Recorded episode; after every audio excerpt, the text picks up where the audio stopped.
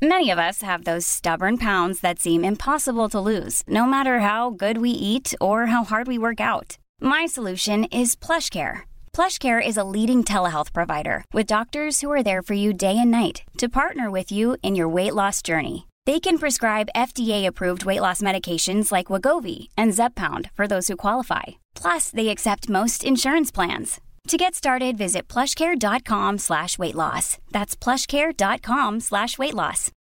Since 2013, Bombas has donated over 100 million socks, underwear, and t-shirts to those facing homelessness. If we counted those on air, this ad would last over 1,157 days. But if we counted the time it takes to make a donation possible, it would take just a few clicks. Because every time you make a purchase, Bombas donates an item to someone who needs it.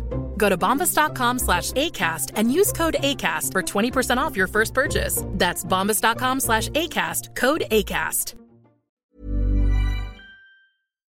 Systrarna Elvstrands hästpodd är producerad av Mediahouse by RF. Hej allihopa och välkomna till systrarna Elfstrands hästbåt avsnitt 89. Vi närmar oss med stormsteg mot avsnitt 100 Emma. Ja, vi kanske får hitta på något kul litet firande då. Ja men jag tänker det.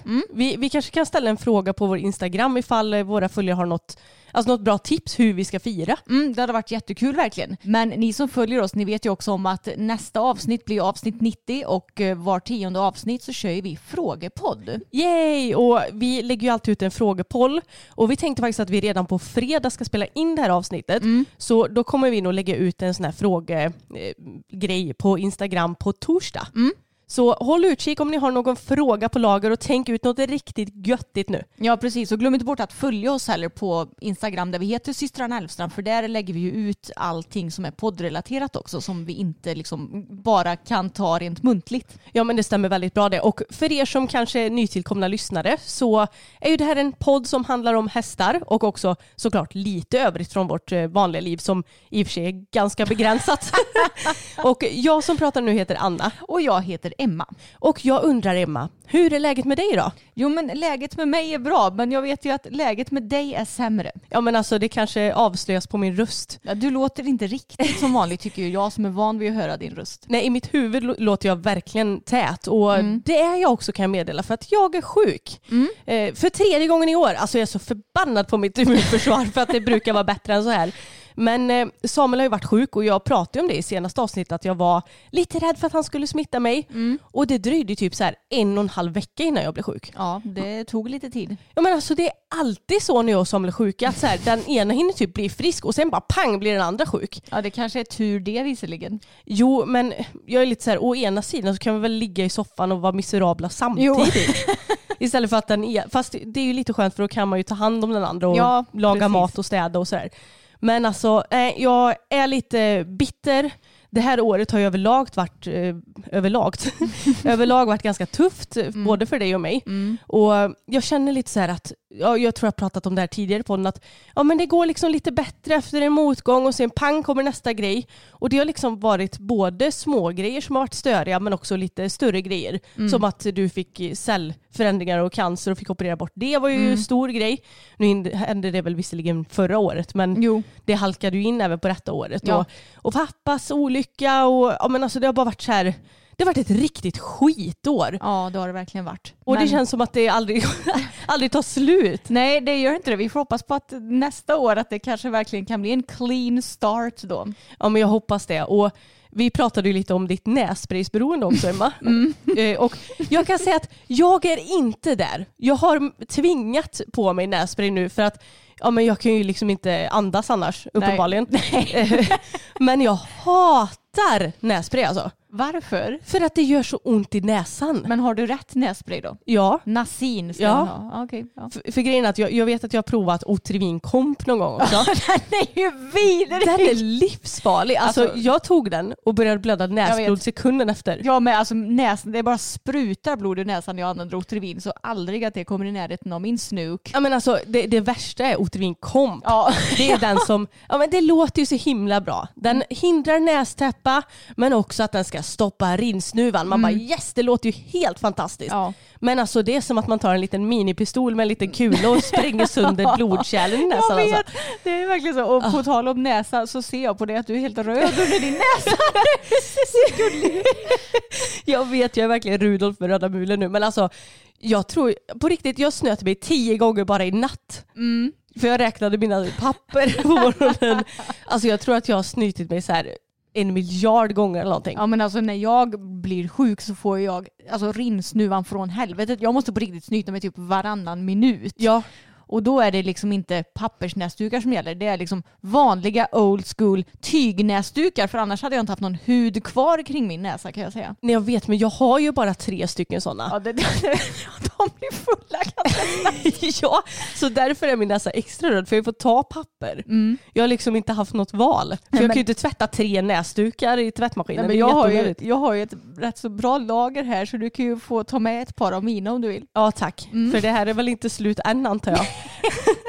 Nej men alltså det, det har varit väldigt mycket bättre kan jag säga och jag trodde att jag åkte på öroninflammation i lördags dessutom. Men det verkar som att ja, men antingen var det bara någon jättelight version eller så var jag bara typ tät i örat. För att, ja, jag har ju haft öroninflammation väldigt många gånger som barn och också när jag var 18 sist så att, eh, jag tänkte ja, nu är det dags här tio år senare. och jag vet ju hur ont det gör. Men eh, ja, jag klarade mig ganska bra tack och lov. Men jag är trött på att vara sjuk. Jag känner att min kropp är ganska så stressad. Du vet pulsen är hög. Ja, det, det är inte så konstigt, den kämpar emot något eh, hemskt i min kropp. Ja, något eh, stackars virus där.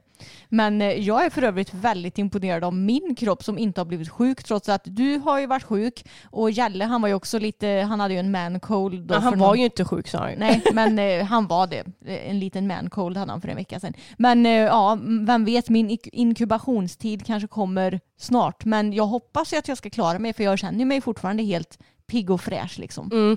Ja, men jag hoppas verkligen att du klarar det för att det är ju så tråkigt och jag känner att jag kommer inte kunna rida i alla fall idag och kanske inte imorgon heller.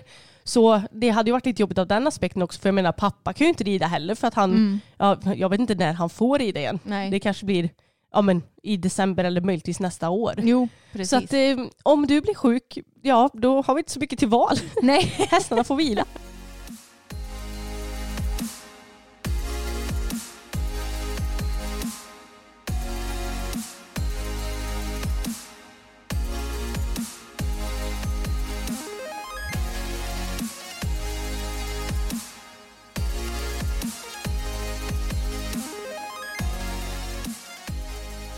Men eh, medan jag låg och snörvlade i soffan så vet ju jag att du och Bella var och tävlade Emma. Det var vi. Vi hade med oss Sigrid, vår medryttare. Det var ju så kul för från början skulle vi varit fyra stycken som åkte på den här tävlingen. Jag, du, pappa och Sigrid. Men sen så droppade pappa av för att han hade så mycket annat att greja med. Och sen droppade du av för att du blev sjuk. Ja, och jag skulle ju dessutom haft med mig fokus. Ja just det, ja, det skulle du. Mm, men eh, det blev inte så för han var inte helt hundra fräsch när jag red honom på onsdagen. Alltså han var ju inte halt men jag kände att han var väldigt stel, väldigt stiff. Och då kände jag verkligen att nej men herregud det här kommer inte hinna bli bra på några dagar. Så att jag strök mig då, vilket kändes väldigt tråkigt men så här i efterhand så hade jag ju behövt stryka mig oavsett. Jo, alltså på så vis var det ändå ganska så bra timing på din sjukdom. Att du behöver inte vara bitter över att liksom fokus hade skadat sig för att ni inte kunde tävla då. Nej men alltså fattar du att jag strykt mig från, eller strukit mig från tre tävlingar i år? Är det tre tävlingar? Ja, för först så blev jag ju, jag har ju varit förkyld två gånger. Jag blev förkyld i juli någon gång när det nu var. Då skulle jag tävla dressyr i Vänersborg. Sen så blev fokus, jag kommer inte ihåg om han fick någon sårskada tror jag det var. Då fick jag ju stryka honom från hopptävling som jag hade tänkt att tävla med honom. Ja. Och sen så nu för att fokus blev skadad plus jag är sjuk. ja. Så tre starter. Men hur gick det nu då? Jo men det var väldigt kul faktiskt. Det var en härlig och fin solig dag.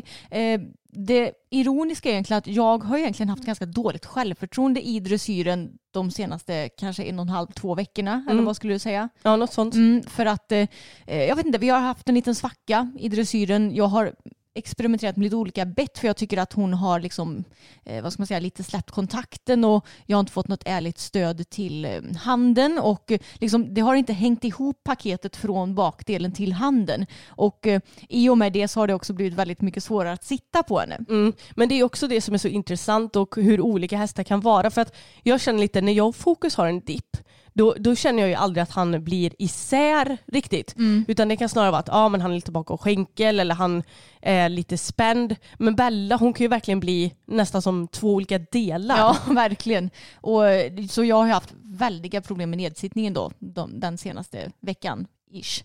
Eh, men eh, sen så provade jag på onsdagen, det var ju då tre dagar innan tävling, Mm. att eh, rida dressyr på hennes hoppbett. Och det bettet, det har jag egentligen inte kunnat, eller kunnat och kunnat, men hon har inte gått så bra på det i dressyren tidigare för jag upplevt att hon har blivit lite för styv på det, eller man ska säga.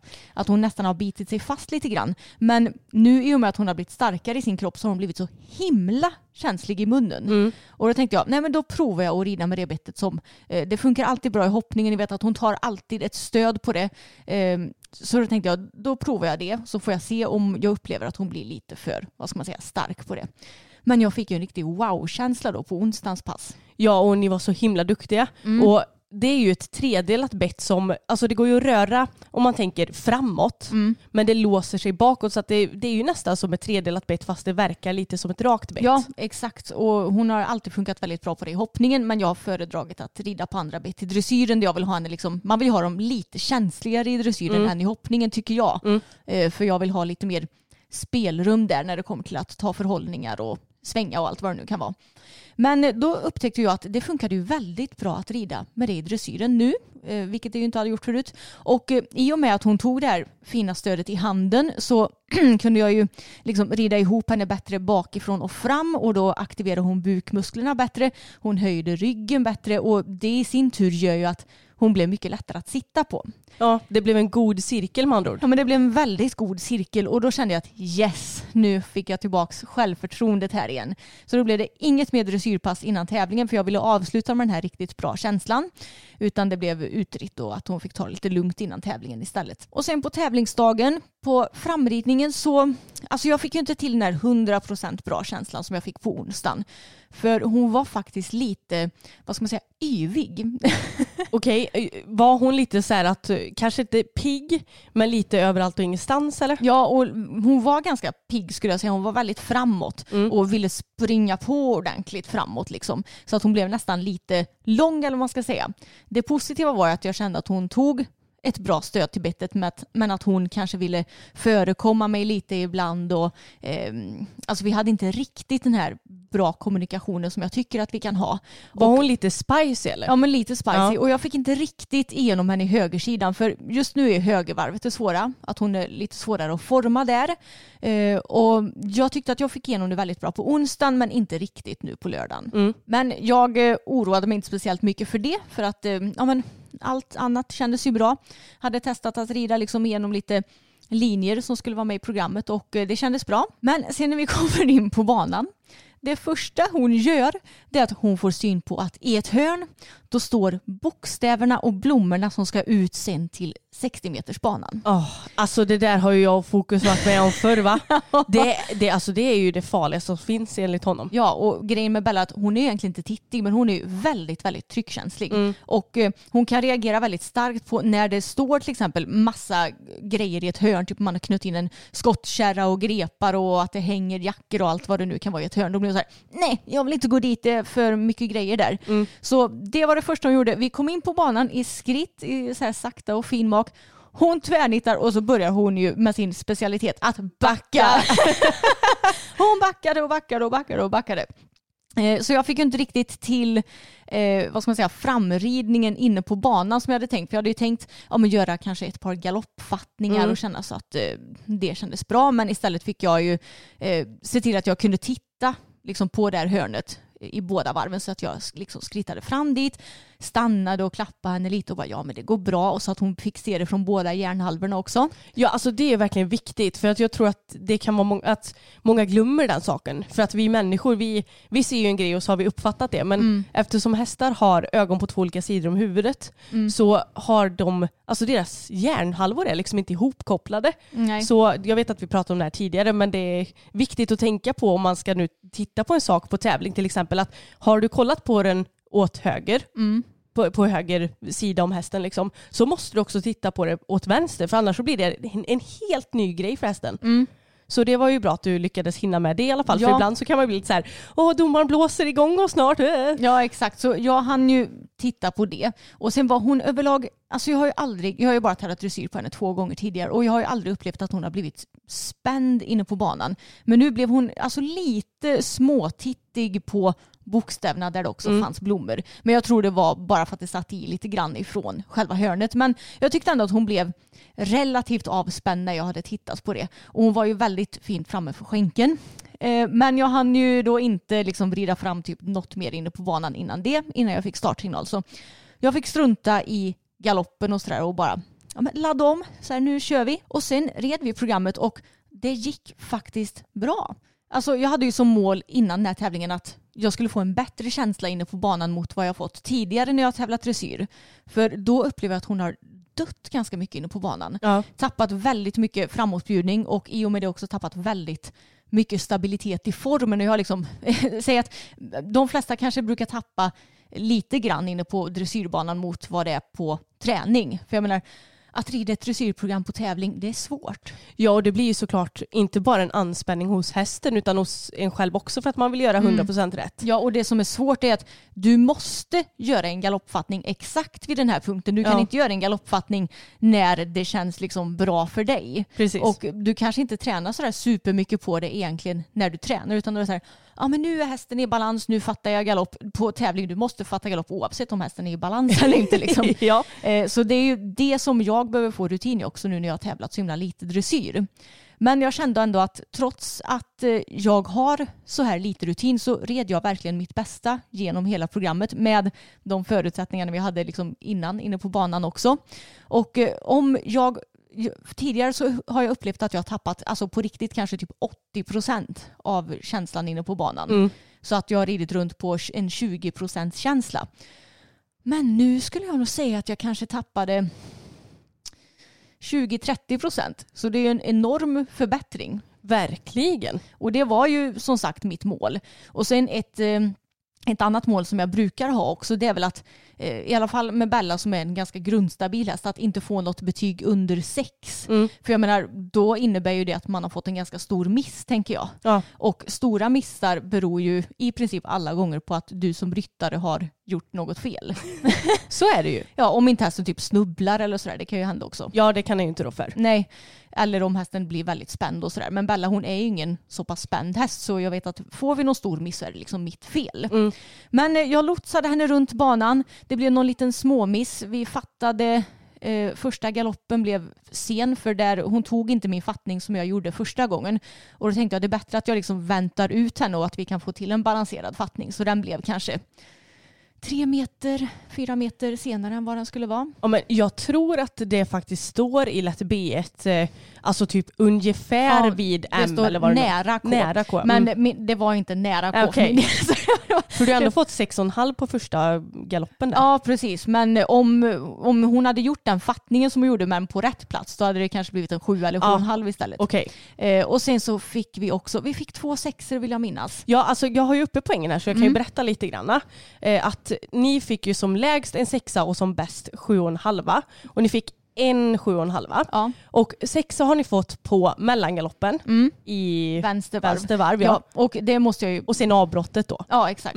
Var, det, var det två sexor där då? Ja precis, två sexor på rad. Ja, så det var på mellangaloppen och avbrottet och problemet var ju då att eh, när vi har tränat både hemma och på framridningen så har mellangaloppen i vänster varv, för då kommer du och rider på diagonalen och ska öka galoppen och sen sakta av innan kortsidan.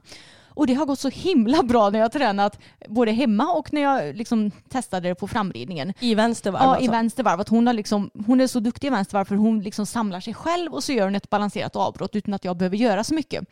Eh, Medan i höger varv har det varit mycket klurigare. Där har, har, där har det inte funkat speciellt bra. Men då fick jag till det så g- bra jag kunde i höger varv på banan. Att det, det fick jag nog alltså, ganska bra på tror jag. Eh, Men sen då i vänster varv så blev väl jag säkert lite för avslappnad och slutade rida. så hon bröt ju av alldeles för tidigt. Mm, jag fattar. Ja, nu ska vi se här vad ni fick. eh, Mm, mm, mm, mm. Arbetsgalopp, volt, snett igenom. Ja, ni fick sjua på det i höger varv. Och det har ju vi haft problem med. Ja det vet jag ju Mm. för att hon har ju typ antingen brutit av eller typ saktat av och bytt galopp och Ja. grejat och sådär. Men alltså det är så lustigt där för att man kan aldrig slappna av när man rider dressyr. Nej, man kan ju inte det och det var ju ett litet misstag som jag gjorde. Och det var väl egentligen den enda missen från min sida tycker Mm. jag. Och att jag vände upp lite sent på medellinjen sista gången. Eh, För då hamnade vi lite grann i obalans precis innan i hörnet. Men eh, alltså jag är så nöjd. Hon tappade lite stabilitet i formen eftersom hon blev lite spänd. Och det var väl det enda negativa domaren skrev också. Hon skrev typ att det var en eh, fin ritt men att hästen blev lite spänd i formen i, idag. Ja. Och eh, så var det ju. Jag tycker hon brukar ju vara lite mer stabil i formen men nu blev hon lite, alltså lite vad ska man säga? Lite bitig. Li- eller ja. ja. precis, lite kanske hög ibland, lite stel i nacken. Så jag vet att med mer rutin så kommer det nog bli bättre. Men jag är så jäkla glad för hon var framme för skänken hela programmet. ja, hon dog ingenting nu. Hon dog ingenting. Halleluja. Ja men det är så skönt för det känns ju som att det borde ju verkligen vara ett bevis på att vi är på rätt väg. Ja, men det är lite det jag känner med fokus också. För att jag tycker också lite att ja, men man tappar ju lite på banan. Mm. Det har jag upplevt på alla hästar jag har ridit. Och det kanske finns eh, några hästar där ute i våra, våran värld som inte tappar någonting på banan alls. Men Mm. jag- jag tror att det blir ju en anspänning för både häst och ryttare som sagt. Så det är inget konstigt att man tappar lite bjudning. Men jag kände ju verkligen det på ja, men senaste ritten i Essunga när vi red utomhus, då, då hade jag ju verkligen honom där. Mm. Ja. Så att det går framåt för oss båda och ni har ju inte Mm. tävlat mycket dressyr. Nej, vi har ju inte tävlat dressyr sedan augusti 2020 så det är ju över ett år sedan och innan dess har vi ju bara gjort en dressyrstart också så det här var ju vår tredje start. Mm. Och eh, jag fick ju 68,036 036 va? 036 tror jag. Mm. Procent. Så drygt 68 procent. Vilket jag aldrig hade kunnat tro innan för jag tänkte att alltså, när du inte har tävlat dressyr på så länge och när du ska debutera i en klass det är väldigt svårt att liksom kunna förutse vilken procent du ska få. Ja, och jag tycker det är svårt att förutse procent överhuvudtaget för att Jo. man vet inte hur domaren dömer. Och, Nej. alltså, vi har ju varit med om otaliga gånger domare som inte har gillat boppen till exempel. Ja. Då har man ju fan förlorat 10% bara för att han är en lång Mm. och stor häst i Ja. princip. Så att det är jättesvårt men det är ju också det som kan bli kul att man blir så pass överraskad eller vad man ska säga. Ja, så jag blev väldigt positivt överraskad får jag säga. Mm. Pappa hade ju tippat att vi skulle få minst 67 procent. så han hade ju rätt Vi faktiskt. ska lyssna på honom. Ja, vi får lyssna på honom. Eh, tyvärr så hamnade jag första utanför placering. Mm. Vilket är segt. Det gjorde jag för övrigt min första dressyrtävling också med Bella. Då fick vi också drygt 68 procent hamnade på riktigt typ en halv poäng utanför placering. Ja, men nu var det lite mer så Ja, va? nu kanske det var en, En en halv procent nästan va? Ja, det kanske var en, en och en halv poäng. Ja. Eh, så det var ju lite större marginal eller man ska säga. ja. Eh, Så det var lite för hög konkurrens på den här tävlingen helt enkelt. Men jag är väldigt, väldigt nöjd med Bella och mig och kände att vi kunde liksom inte ha gjort det speciellt mycket bättre. Vill du tävla mer dressyr nu eller? Ja, det vill jag. Ja. Nu, nu vill jag få placering i lätt B innan Mm. vi går över till lätt A. Och eh, någonting som jag har tänkt på det är att det känns som att det har varit så himla, vad ska man säga, Eh, alltså olika konkurrens beroende på vilken tävling det är eh, här i vårt distrikt. Jag vet att på vissa tävlingar har du kunnat komma tvåa med 63 procent medan den här tävlingen var det typ ingen som ens var under 63 procent. Eh, men det som jag tycker är kul med att tävla mot ekipage som är ja, väldigt duktiga på den här nivån det är ju att jag får ju en ännu större morot till att träna mer och tävla mer så att jag och Bella ska också kunna konkurrera på den nivån eh, mot även de bästa som tävlar i den klassen. Jo men så är det ju verkligen. Men det är lite kul för att alltså, Equip är ju typ min favoritapp i mobilen. Mm. Jag tycker det är väldigt kul att kolla runt på tävlingar och så här, ah, nu är det någon större tävling i Mantorp så kollar man lite om man känner igen något namn där och, Mm. och sådär. Och det är ju extremt olika, eh, ja men det är ju säkert per dag vad det är för ekipage, dagsform. Ibland så är det inte så höga procent Nej. och den som vinner kanske har 65 procent. Ja, precis. Och det, ibland så vinner ju fasen folk på nästan 80 procent. Mm. Det, det är ju jätteolika verkligen. Och jag tycker det är skönt att, att se att det liksom inte är bara i vårt distrikt och att man kanske bara, men gud vad har vi för jäkla stjärnor som rider här? Eller går de aldrig över till en annan klass? eh, Liksom? Eh, Men det är ju samma överallt. Ja. Det kan jag konstatera. Precis, och någonting annat som man kan konstatera det är att du inte ska jämföra dig för mycket med andra heller. Nej. Utan att se till din egen och din egen hästs utveckling. För mig och Bella så var ju det här en riktigt stor vinst eftersom vi som sagt typ inte har tävlat någon dressyr förut och nu fick vi jättemycket bättre känsla och hon fick ändå väldigt bra poäng. Alltså Mm. mot vad jag trodde att vi skulle kunna få. Så det kändes ju nästan som att vi hade fått en placering trots att vi inte fick det. Ja men det var ju precis som med mig och Fokus när vi red i Falköping också. Det var ju i juni, Juli. juli, ja. Då, då var det ju också så här att ja, men vi fick en så mycket bättre känsla mot vad vi tidigare hade fått och vi Mm. hamnade ju ja, men typ andra utanför placering, något Ja. sånt där. Och det kändes som att ja, men vi hade lika gärna kunnat vinna. Alltså, Mm. Det var en vinst för mig och det är ju ändå det viktigaste. Ja, Sen är det ju, verkligen. vi ser ju det verkligen som en extrem bonus att få med oss en rosett hem. Vi är ju inte sådana som förväntar oss att vi ska vinna eller bli placerade. Nej, precis. Men eh, jag är så taggad nu på att tävla mer med Bella och eh, det känns så kul med henne för nu har de ridit, eh, ja men jag har ju ridit tre dressyrtävlingar på henne för tre olika domare är jag ganska så säker på. Ja. Och hon har fått väldigt bra procent från alla domare, vilket är kul för som sagt med Boppen då var det ju väldigt ojämnt hur domarna dömde honom. Ja och då fick man ju nästan välja bort domare. Ja, var, det, eh, var det den eh, domaren som stod i så här propositionen då blev man såhär, nej men Mm. Nej, då ingen då väljer jag en annan tävling. Ja exakt. Det är det- tråkigt att behöva bli så. Ja, exakt. Men eh, med Bella tror jag att domarna dömer nog generellt henne jämnare. Och det är väl för att hon är väldigt grundstabil liksom, Mm. och går oftast i en bra form. Och även om hon är stor så blir hon ju väldigt sällan lång i kroppen till exempel. Vilket ju vissa domare inte tycker om när man har hästar på över 1,80 som kanske inte går och liksom, vad ska man säga, krullar ihop nacken speciellt mycket. Mm. Boppen var ju lite mer öppen i formen vilket vissa domare accepterade och liksom dömde honom som Ut de- efter honom. Ja. ut efter honom medan andra kanske snarare ville ha hästar inom en viss mall. Så upplevde jag det som. Mm. Och jag tror att Bella hon är nog lite mer inom den mallen än vad Boppen var. Och jag tycker också det är kul med henne för hon är liksom inte den mest flashiga hästen men hon är väldigt eh, Eh, alltså hon har ju alltid varit väldigt bra grundrider men nu börjar hon också bli så pass stark att hon kommer att jobba i en bättre form och hon gör rörelsen oftast väldigt bra och är väldigt stabil så det är ju det hon plockar poäng på. ja men hon gör ju verkligen det hon ska. Ja, det gör hon. Men jag hörde ju att eh, du och mamma var tillsammans med dig va, när du såg mina poäng Mm. rulla in. Och du hade bara, men gud vilka poäng de får. Ja men jag hade ju inte så, alltså eftersom jag inte såg ritten så hade jag ingen aning om vad jag skulle Nej. tänka att ni skulle få för procent. Så jag var ju så här, ja, det enda jag kan göra det är att titta på Ekip och se när de lägger in poängen så. Mm. Och så såg jag att det kom sjuor och det kom sju och en halva och det kom sex och en halva och jag bara, men gud vad roligt så här.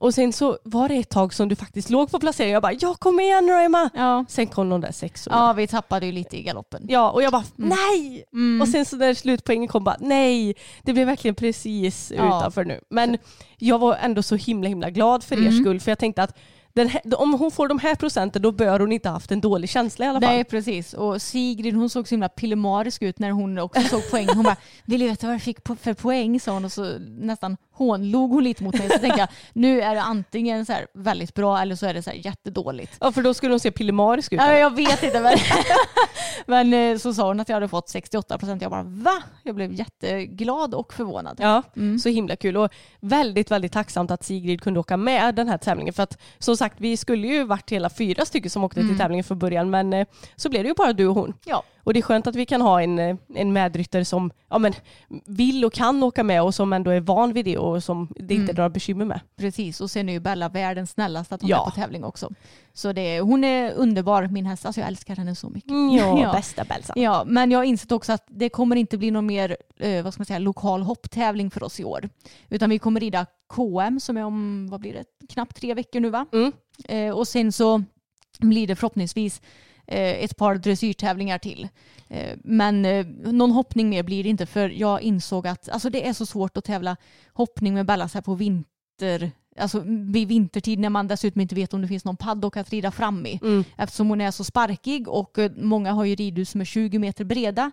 Vilket jag tycker blir för trångt att hoppa fram i med en häst som sparkar och som är så pass tryckkänslig som henne. Så, eh, jag hade ju egentligen tänkt åka till Trollhättan i slutet på november men sen så pratade jag ju med dig och, bara, och så sa du att nej hon, hade sp- hon sparkade mot en häst förra gången vi var där. Ja hon gjorde ju det, minns du det eller? Nej jag gör inte det Nej. men eh, du kommer ihåg det så jag litar ju på dig. Och jag minns ju att det var väldigt väldigt trångt och svårt att hoppa fram henne där i alla fall. Ja, och det är ju såklart tråkigt att behöva välja bort tävlingar av den här anledningen. Men det är ju också därför vi tränar mentalt. För att förhoppningsvis så kanske hon kan acceptera andra hästar ännu Mm. lite bättre så småningom och vi kanske kan hitta några knep som gör att hon inte behöver, behöver sparka i alla fall. Mm. Alltså hon kanske kan se lite arg ut men hon behöver inte göra några utfall mot andra hästar. Nej, exakt. Och samtidigt så är det så här, alltså, jag blir så kluven för att man har ju en röd rosett av en anledning Mm. och folk måste respektera, alltså oavsett om man har en röd rosett i svansen eller inte, Mm. så måste ju folk respektera andras hästar men de gör ju tyvärr inte det. Nej, alla gör ju inte det.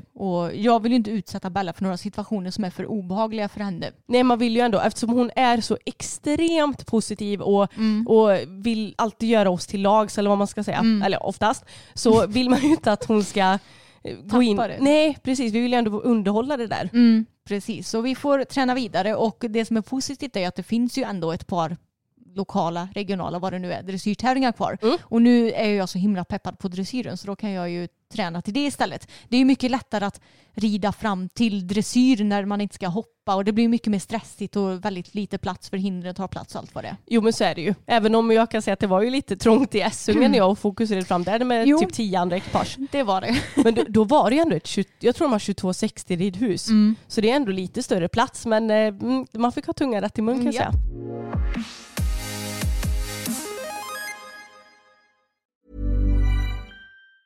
There's never been a faster or easier way to start your weight loss journey than with PlushCare.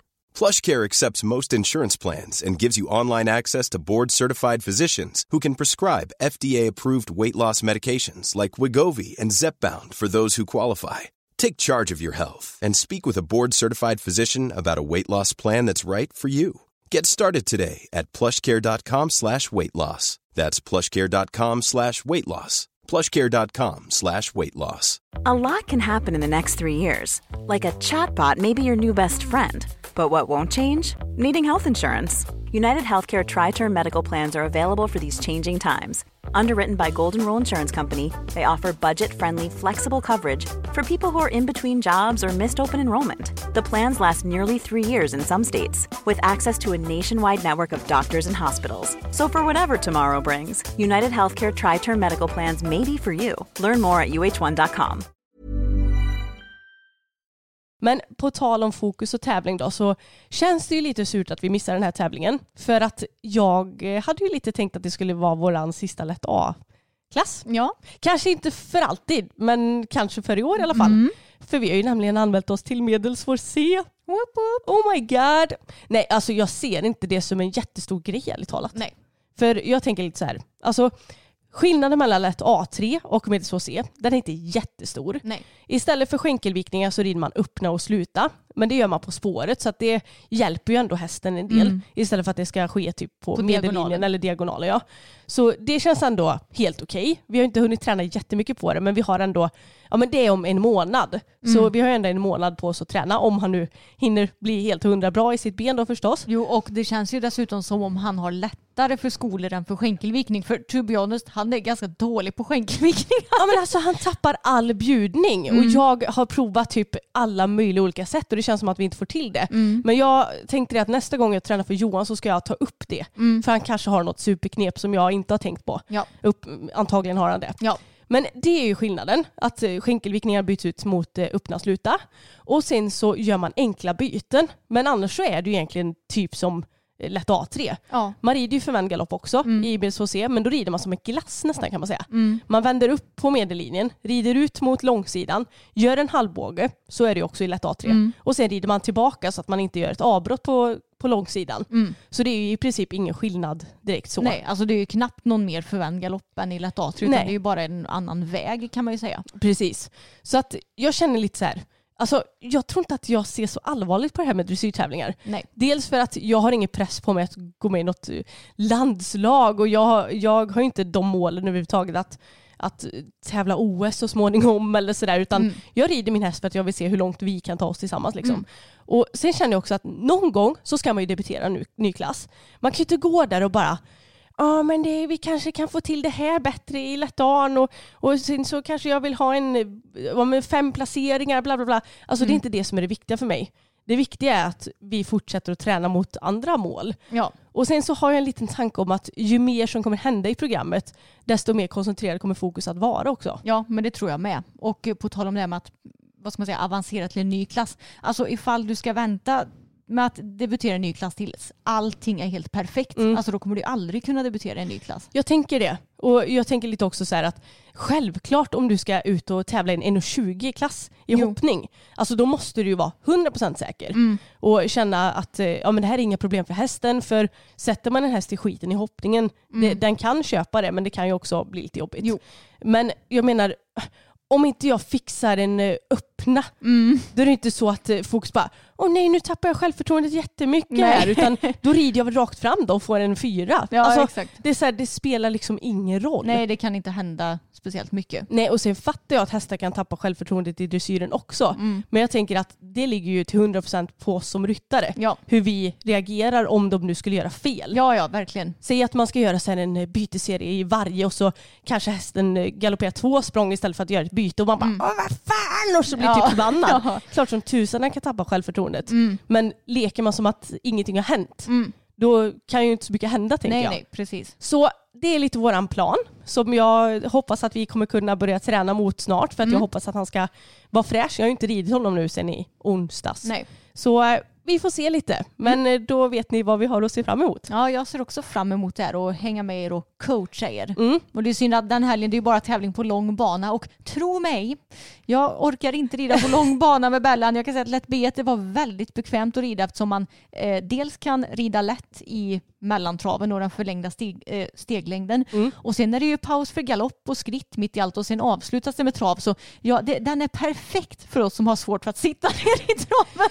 Men jag tror nog att när ni har ridit ihop er lite mer och du fått lite mer så här nedsittningskondition eller vad man ska säga, då tror jag ändå att långbana kommer vara till er fördel. Jo men det tror jag också. För det är ju, alltså jag tänkte på det när du berättade om mellangaloppen där Mm. eller så. Alltså det blir ju väldigt kort tid som man ska hinna med Mm. att vända upp på, med, eller på diagonalen. Du ska öka galoppen och sen ska du ta tillbaka och sen ska du ner till trav. Alltså Mm. Ja. det är inte många meter du har på dig. Nej, och eftersom när det är på kort bana så blir det också väldigt tight sväng in på Ja. diagonalen. Man ska säga. Det blir, Det blir mycket, tvärt. Ja, precis. Det blir en tvärsväng. Det är ju mjukare på lång bana. Så det tror jag också. Men jag satsar ju helt klart på att debutera lätt A1 före lätt A3 till exempel. Jo, men det fattar jag ju till 100% och Mm. jag tycker inte att, alltså så här, har du en häst som inte är så stor i rocken eller vad man ska säga, alltså som Tage till exempel. Ja. då, då passar ju korta program honom alldeles utmärkt och jag Mm. tycker inte det är något fel i att inte rida på lång bana.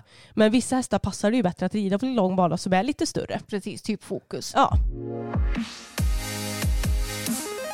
Jag har ju pratat lite om att eh, det har varit ett ganska så dåligt år för dig och mig Emma. Mm. Och jag tror att jag kommer minnas 2021 med eh, sorg tänkte jag säga. Nej men jag kommer ändå minnas det som, som ett skitår. Mm. Men vet du vad jag tror är anledningen Emma? Nej. Jag tror att Peder har tagit vår lycka.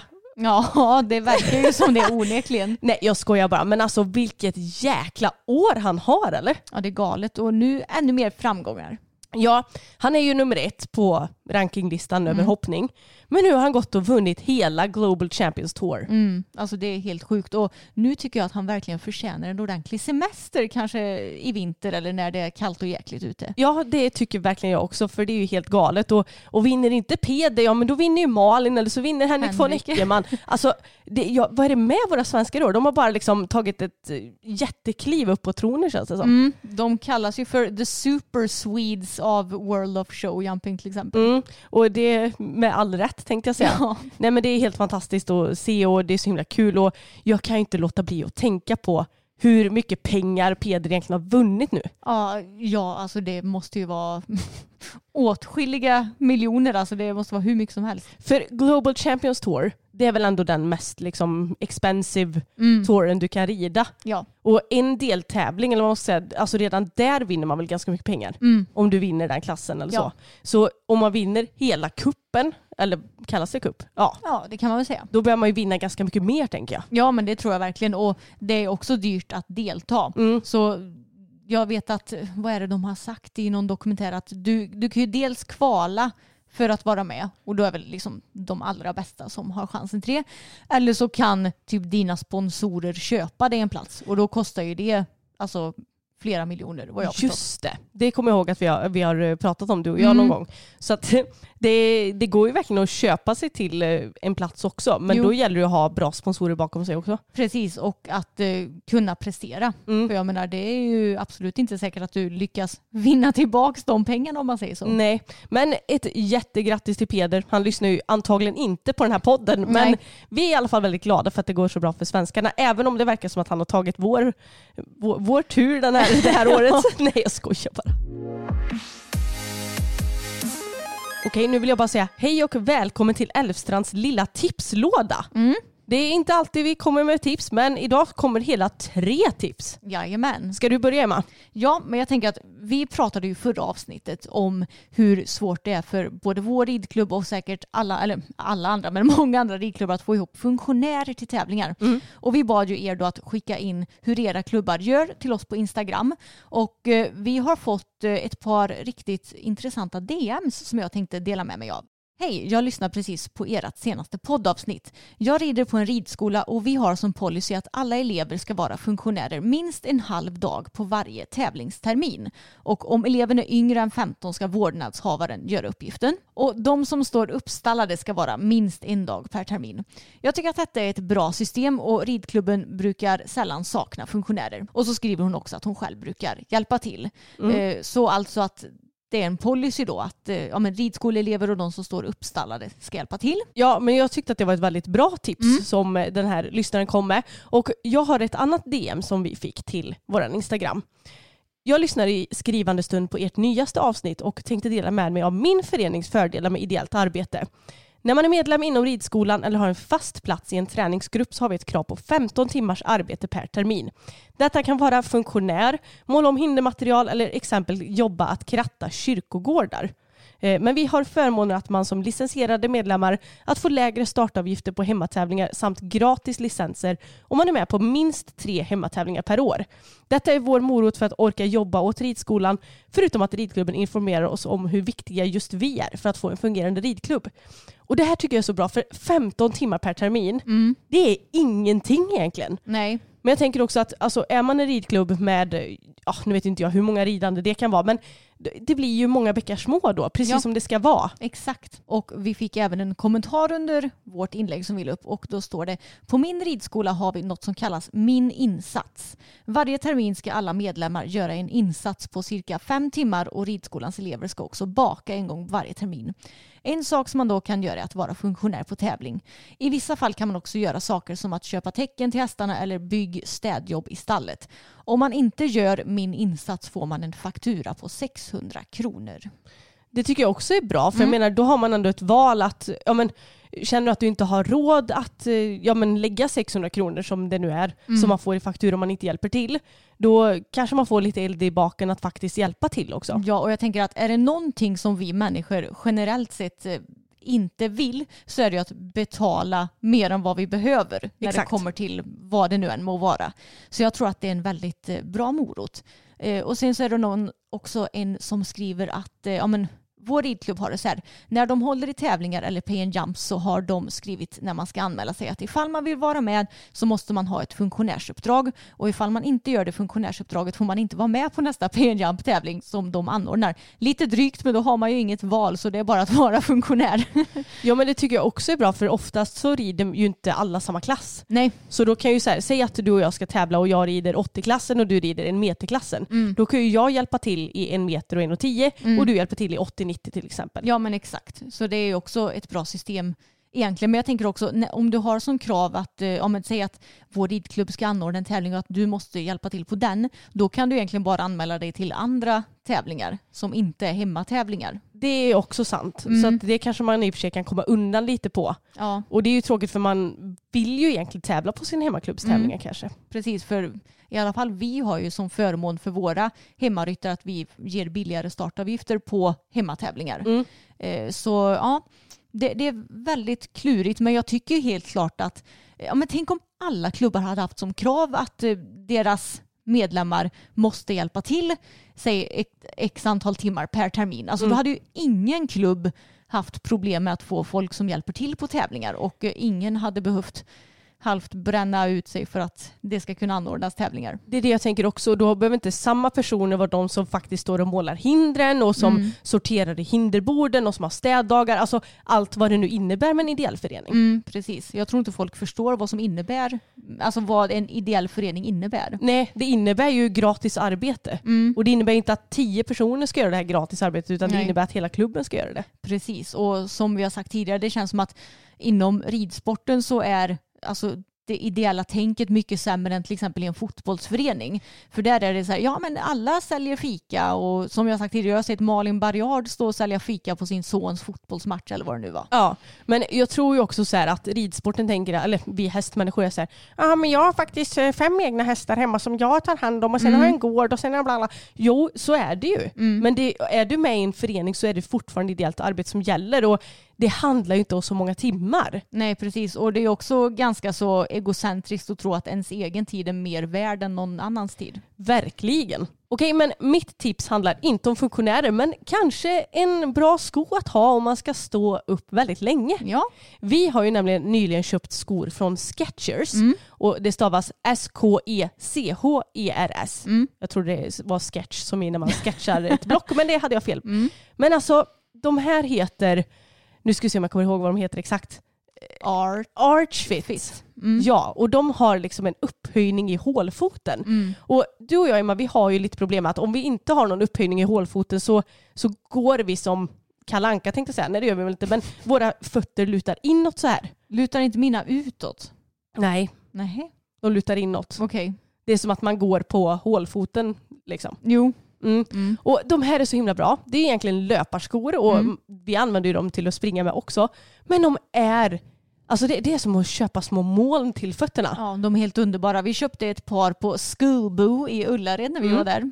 Eh, och de har haft på gymmet och sen bara, nej vi måste köpa ett till par som vi kan ha till vardags också. Så nu har vi två par Skechers. Ja, men jag tänkte jag har ett par som jag kan ha inne på gymmet och sen har jag ett par som jag kan ha om jag ska gå ut och gå eller om jag vill gå på stan. Och, ja, men De är liksom tillräckligt snygga så man kan använda dem jämt. Ja. Och jag måste bara tipsa om det för er som kanske har lite problem med ja, men att hitta skor som inte passar era fötter. För jag vet att ja, men en del är väldigt plattfotade och då ja, kanske det är enklare att hitta skor, jag vet inte. Men för oss som har lite mer hålfot så är de här grymma. Mm, och de hjälper en också få bättre balans när man gör vissa övningar på gymmet till exempel. Mm. Eftersom du hamnar ju i mer balans för att du har inget hål i foten eller man ska säga. Men verkligen, alltså jag kan ju typ inte göra utfallssteg för att jag har så dålig balans. Mm. Men när jag hade på mig de skorna så blev det mycket lättare. Ja. Även fast jag fortfarande har lite teknikbekymmer. Men det, det handlar väl mer om styrka tror jag. Mm, ja, de är så jäkla sköna och jag brukar normalt sett ha svårt för att hitta träningsskor som passar men de här sitter så skönt på fötterna. Mm. Och ett litet obs om ni ska beställa de här. De är lite stora i storleken. Så jag som brukar ha 39 har 38 i dem. Ja, och jag som brukar ha 40 har 39 i dem. Ja, så det är bra att tänka på. Men Emma, jag vet att du har ett litet tips om en Facebookgrupp. Jajamän, det är nämligen så att vår lyssnare Evelina har startat en eftersnacksgrupp till vår podd. Men alltså så kul för att jag har inte haft en tanke på att ens kunna starta en sån här podd. Eller poddgrupp menar jag. Inte jag heller, men det är ju superkul att det nu finns en eftersnacksgrupp för er om ni vill fortsätta diskutera vi har pratat om tillsammans med andra som lyssnar på vår podd så att det blir liksom en förlängning av podden och att det blir lite mer av en gemenskap med det hela där ja, men, ni kan träffa varandra lite eller man ska säga. Precis, och vi är också medlemmar i den här gruppen Emma. Mm. Så eh, vi är också inne och kikar vad folk skriver och så. Ja. Och den kan vi länka i beskrivningen Mm. och även på vår story kanske. Ja. Så att ni hittar till den gruppen ifall ni vill gå med i den. Och gruppen heter Systrarna Älvstrands hästpodd streck eftersnack. Och i talande stund så har den 104 medlemmar. Så ni får jättegärna gå med i den. Det är en privat grupp så att man måste ansöka om medlemskap. Men nu tänkte jag komma med ett sista tips här. Det blir ju hela fyra tips i den här podden Oj, oj. inte illa. Och det handlar lite om så här att det känns som att väldigt många hästmänniskor är hur kära som helst i så här babyvåtservetter. Mm. Och jag kan köpa det. Det är en smidig grej att ha med sig om man behöver, ja men dels om man själv blir skitig om händerna eller om hästen får någon smuts någonstans eller eh, om man behöver torka näsan eller vad som helst. Jag brukar alltid ha med mig förpackning på tävling Mm. ifall hästen skulle, ibland så händer det att fokus bajsar lite på sig själv. Då är Ja. det bra att ha något sånt. Men det är ju inte jättemiljövänligt att ha just tvättservetter. Nej. Så när jag är hemma i vårat stall så tycker jag att det är väldigt onödigt att hova fram en babyvåtservett och torka ögon och sånt där. Mm. Men då är det så bra hörni. För att de flesta har ju ändå eh, varmvatten i stallet och en handduk.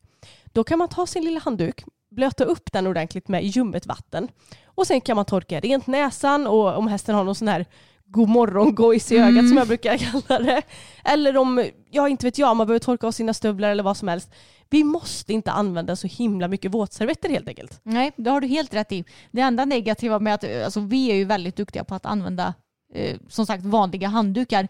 Det är att det ligger ju för fan de här handdukarna i mitt hus hela tiden numera för att vi tvättar dem in hos mig. Så när de har varit i stallet då åker de in till mig och så ligger de där på golvet. Jo jag vet, det blir ju så. Alltså vi har ju säkert 15 handdukar som vi använder. För lite så också, det kan man ju kanske tänka på att alltså, har man använt en handduk, till exempel om man ska eh, tvätta sin hästs sår, om den har fått något sår, Mm. då behöver man ju alltid torka med en ren handduk. Så det är också viktigt att eh, Alltså så här, om, jag torkar, om jag har en handduk som jag torkar hästens ögon med, Mm. då kanske jag kan komma ihåg att jag använder det hörnet så kan jag ta det hörnet nästa gång. Mm. Så behöver man inte tvätta den så många gånger. Nej. Men en handduk som man använder till hästens sår, den behöver ju tvättas. Ja. Men jag tänker också att vi måste ju tvätta våra egna kläder så att det är inte så att man kör en maskin i onödan. Nej, så är det ju verkligen. Men jag kom på en lite rolig grej nu när vi red ut innan du blev sjuk. Mhm. För jag bor ju på en, eh, ja men det är en asfaltsväg som vi behöver rida på och sen kommer man ut till grusvägarna och skogen. Och eh, jag bor ju nästan som i ett litet samhälle kan man säga. Mm. Och trots det så är det ju 70 på den här jävla vägen av någon oförklarlig anledning. Ja det är mycket märkligt. Det är väldigt märkligt. Men det är inte det vi ska prata om nu för det har vi pratat om förut i den här podden. Men då är det ju som sagt lite eh, ja, människor som bor här omkring. Bland annat eh, någon familj som bor kanske 100 meter bort som har ganska så unga barn skulle jag säga. Mm. Som brukar heja på oss och ibland skrämma oss när vi kommer där och de hoppar ut framför eh, dörren och så att hästarna, wow, vad är det som händer? Ja, men alltså, på, på tal om det, förlåt jag måste bara bryta in här. Det var så roligt en gång när vi red ut på alla fyra när vi hade boppen också. Och du, jag, Sigrid och pappa var det väl säkert som Mm. Ja. red. Och så kommer jag och Fokus och rider först och så kommer en av de här barnen på en trehjuling typ och sparkar runt på den. Mm. Och, eller om det var en cross till och med, jag kommer inte ihåg. En sån här mini mini mini cross. Ja. Och Fokus han tog det ändå ganska bra, han liksom hoppade till lite och tittade. Men Tage, han blev så rädd så han började galoppera på asfalten. så ja, vi, vi får lite miljöträning av de här ungarna kan man Ja säga. men det får vi. Och när vi rider hemåt så brukar vi alltid hoppa av och skritta hästarna på asfalten. Alltså att vi går bredvid hästarna. Och eh, då var ju de här barnen ute och sen brukar de alltid säga hej vilka fina hästar vi har och då svarar vi tack så mycket. Och nu den här gången så var det eh, den dottern hon frågade varför har ni fyra hästar? Och jag, jag, hör, eller jag tyckte hon sa vad fina hästar ni har. Ja, Typ, det så trodde jag också. Så jag sa typ tack och sen sa hon varför har ni fyra hästar? Så hon ville verkligen få svar på den här frågan då. och då hade jag nästan gått förbi lite redan så det blev mer naturligt för Anna att svara på den här frågan. Och vad svarar, svarar Anna något pedagogiskt som för att vi tycker att det är så himla kul och för att vi älskar våra hästar så mycket eller nå- något sånt där som man kanske kan svara en liten tjej. Nej. Nej. nej, nej, nej. Hon säger för att vi vill det. Ja, men alltså, jag fick inte upp något bättre svar för jag var också så inställd på att hon hade sagt vilka fina hästar ni har. Så Ja. jag, jag fattade typ inte frågan. Och då blev det så himla opedagogiskt. Stackars tös. För att vi vill ha det så här jättedrygt nästan. Ja, men, nej jag sa det inte med en dryg Nej ton. du sa det inte men det, det låter ju drygt när man bara liksom Ja. hör, hör själva meningen. Det var inte meningen men det, jag vet inte. Jag skyller på att min hjärna kanske var lite seg redan då. Ja den var nog det. Men det var väldigt kul för mig som hörde Anna svara på det här. Ja, men alltså, ja, ibland så blir det bara så konstigt. Nej men nu får det faktiskt räcka för det här avsnittet hörni. Eh, Fokus ska få lite behandling av våran ekiopat Kristin från Eki Hälsa. Så hon ska kolla igenom honom, honom lite mer noggrant och se om det är någonting som stör honom förutom hans sår. Så det ska bli skönt att få en check på honom. Ja. Så kan vi förhoppningsvis köra igång snart igen. Mm, och jag är jag- så ridsugen. ja jag förstår det. Och jag ska sätta mig och jobba och redigera filmen från tävlingen. Den kommer ju såklart upp imorgon som vanligt. Alltså jag ser så mycket fram emot det. Ja. Jag, jag har inte sett någonting. Du knoppade ju till och med själv. Ja, just det. Det har vi fan inte ens pratat Nej. om Anna. För Anna, normalt sett när vi tävlar så brukar ju Anna vara den som knoppar för att du är bäst på det. Och jag brukar om typ så här, borsta hästen, tvätta ben, eh, borsta svans och sådär. Så att vi, vi hjälps åt så att det blir väldigt effektivt. Men nu fick jag göra allting själv. Och jag hade nog inte knoppat på, alltså jag minns inte ens senast, det måste ha varit flera år sedan jag knoppade. Mm. Eh, Men jag, jag vet ju hur du gör, att du har sagt att ja, men blöt ner manen lite grann och sen så att du flätar väldigt hårt och så bara du viker upp två gånger. Och alltså när du fick se bild på mina knoppar, Ja, men jag var så imponerad. jag var också imponerad själv över hur bra jag lyckades. Men det ska tilläggas att Bella hon har ju nästan en helt perfekt knoppman. Den är väldigt bra. Den ligger väldigt stabilt på en sida. Den är precis lagom tjock. Nu är den också precis lagom lång eh, för att få till de här dressyrknopparna. Så jag hade bästa möjliga förutsättningar. Förutom då hennes pannlugg som knappt existerar. Där fick bli en sån här liten Eva och Adam-knorr i pannan. Liksom. Ja, men alltså, jag, kan tycka så här, jag tycker det är jättefint med knopp i pannan. eh, För jag tycker att det ser mest städat ut och jag kan tycka att det blir lite ponnylikt om man inte har knopp i pannan. Sen är det högst frivilligt såklart.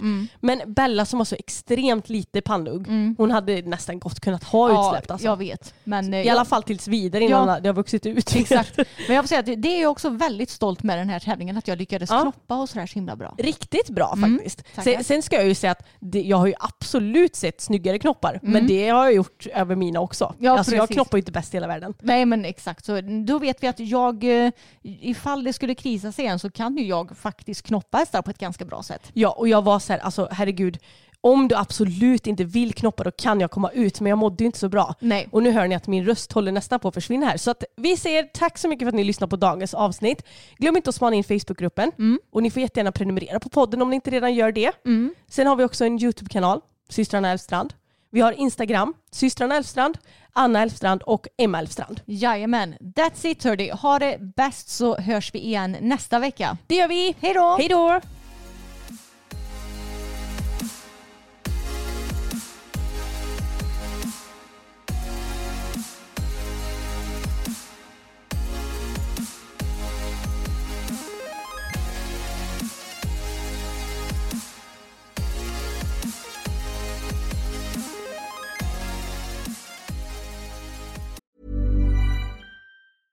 Want flexibility? Take yoga. Want flexibility with your health insurance? Check out United Healthcare Insurance Plans. Underwritten by Golden Rule Insurance Company, they offer flexible, budget friendly medical, dental, and vision coverage that may be right for you. More at uh1.com.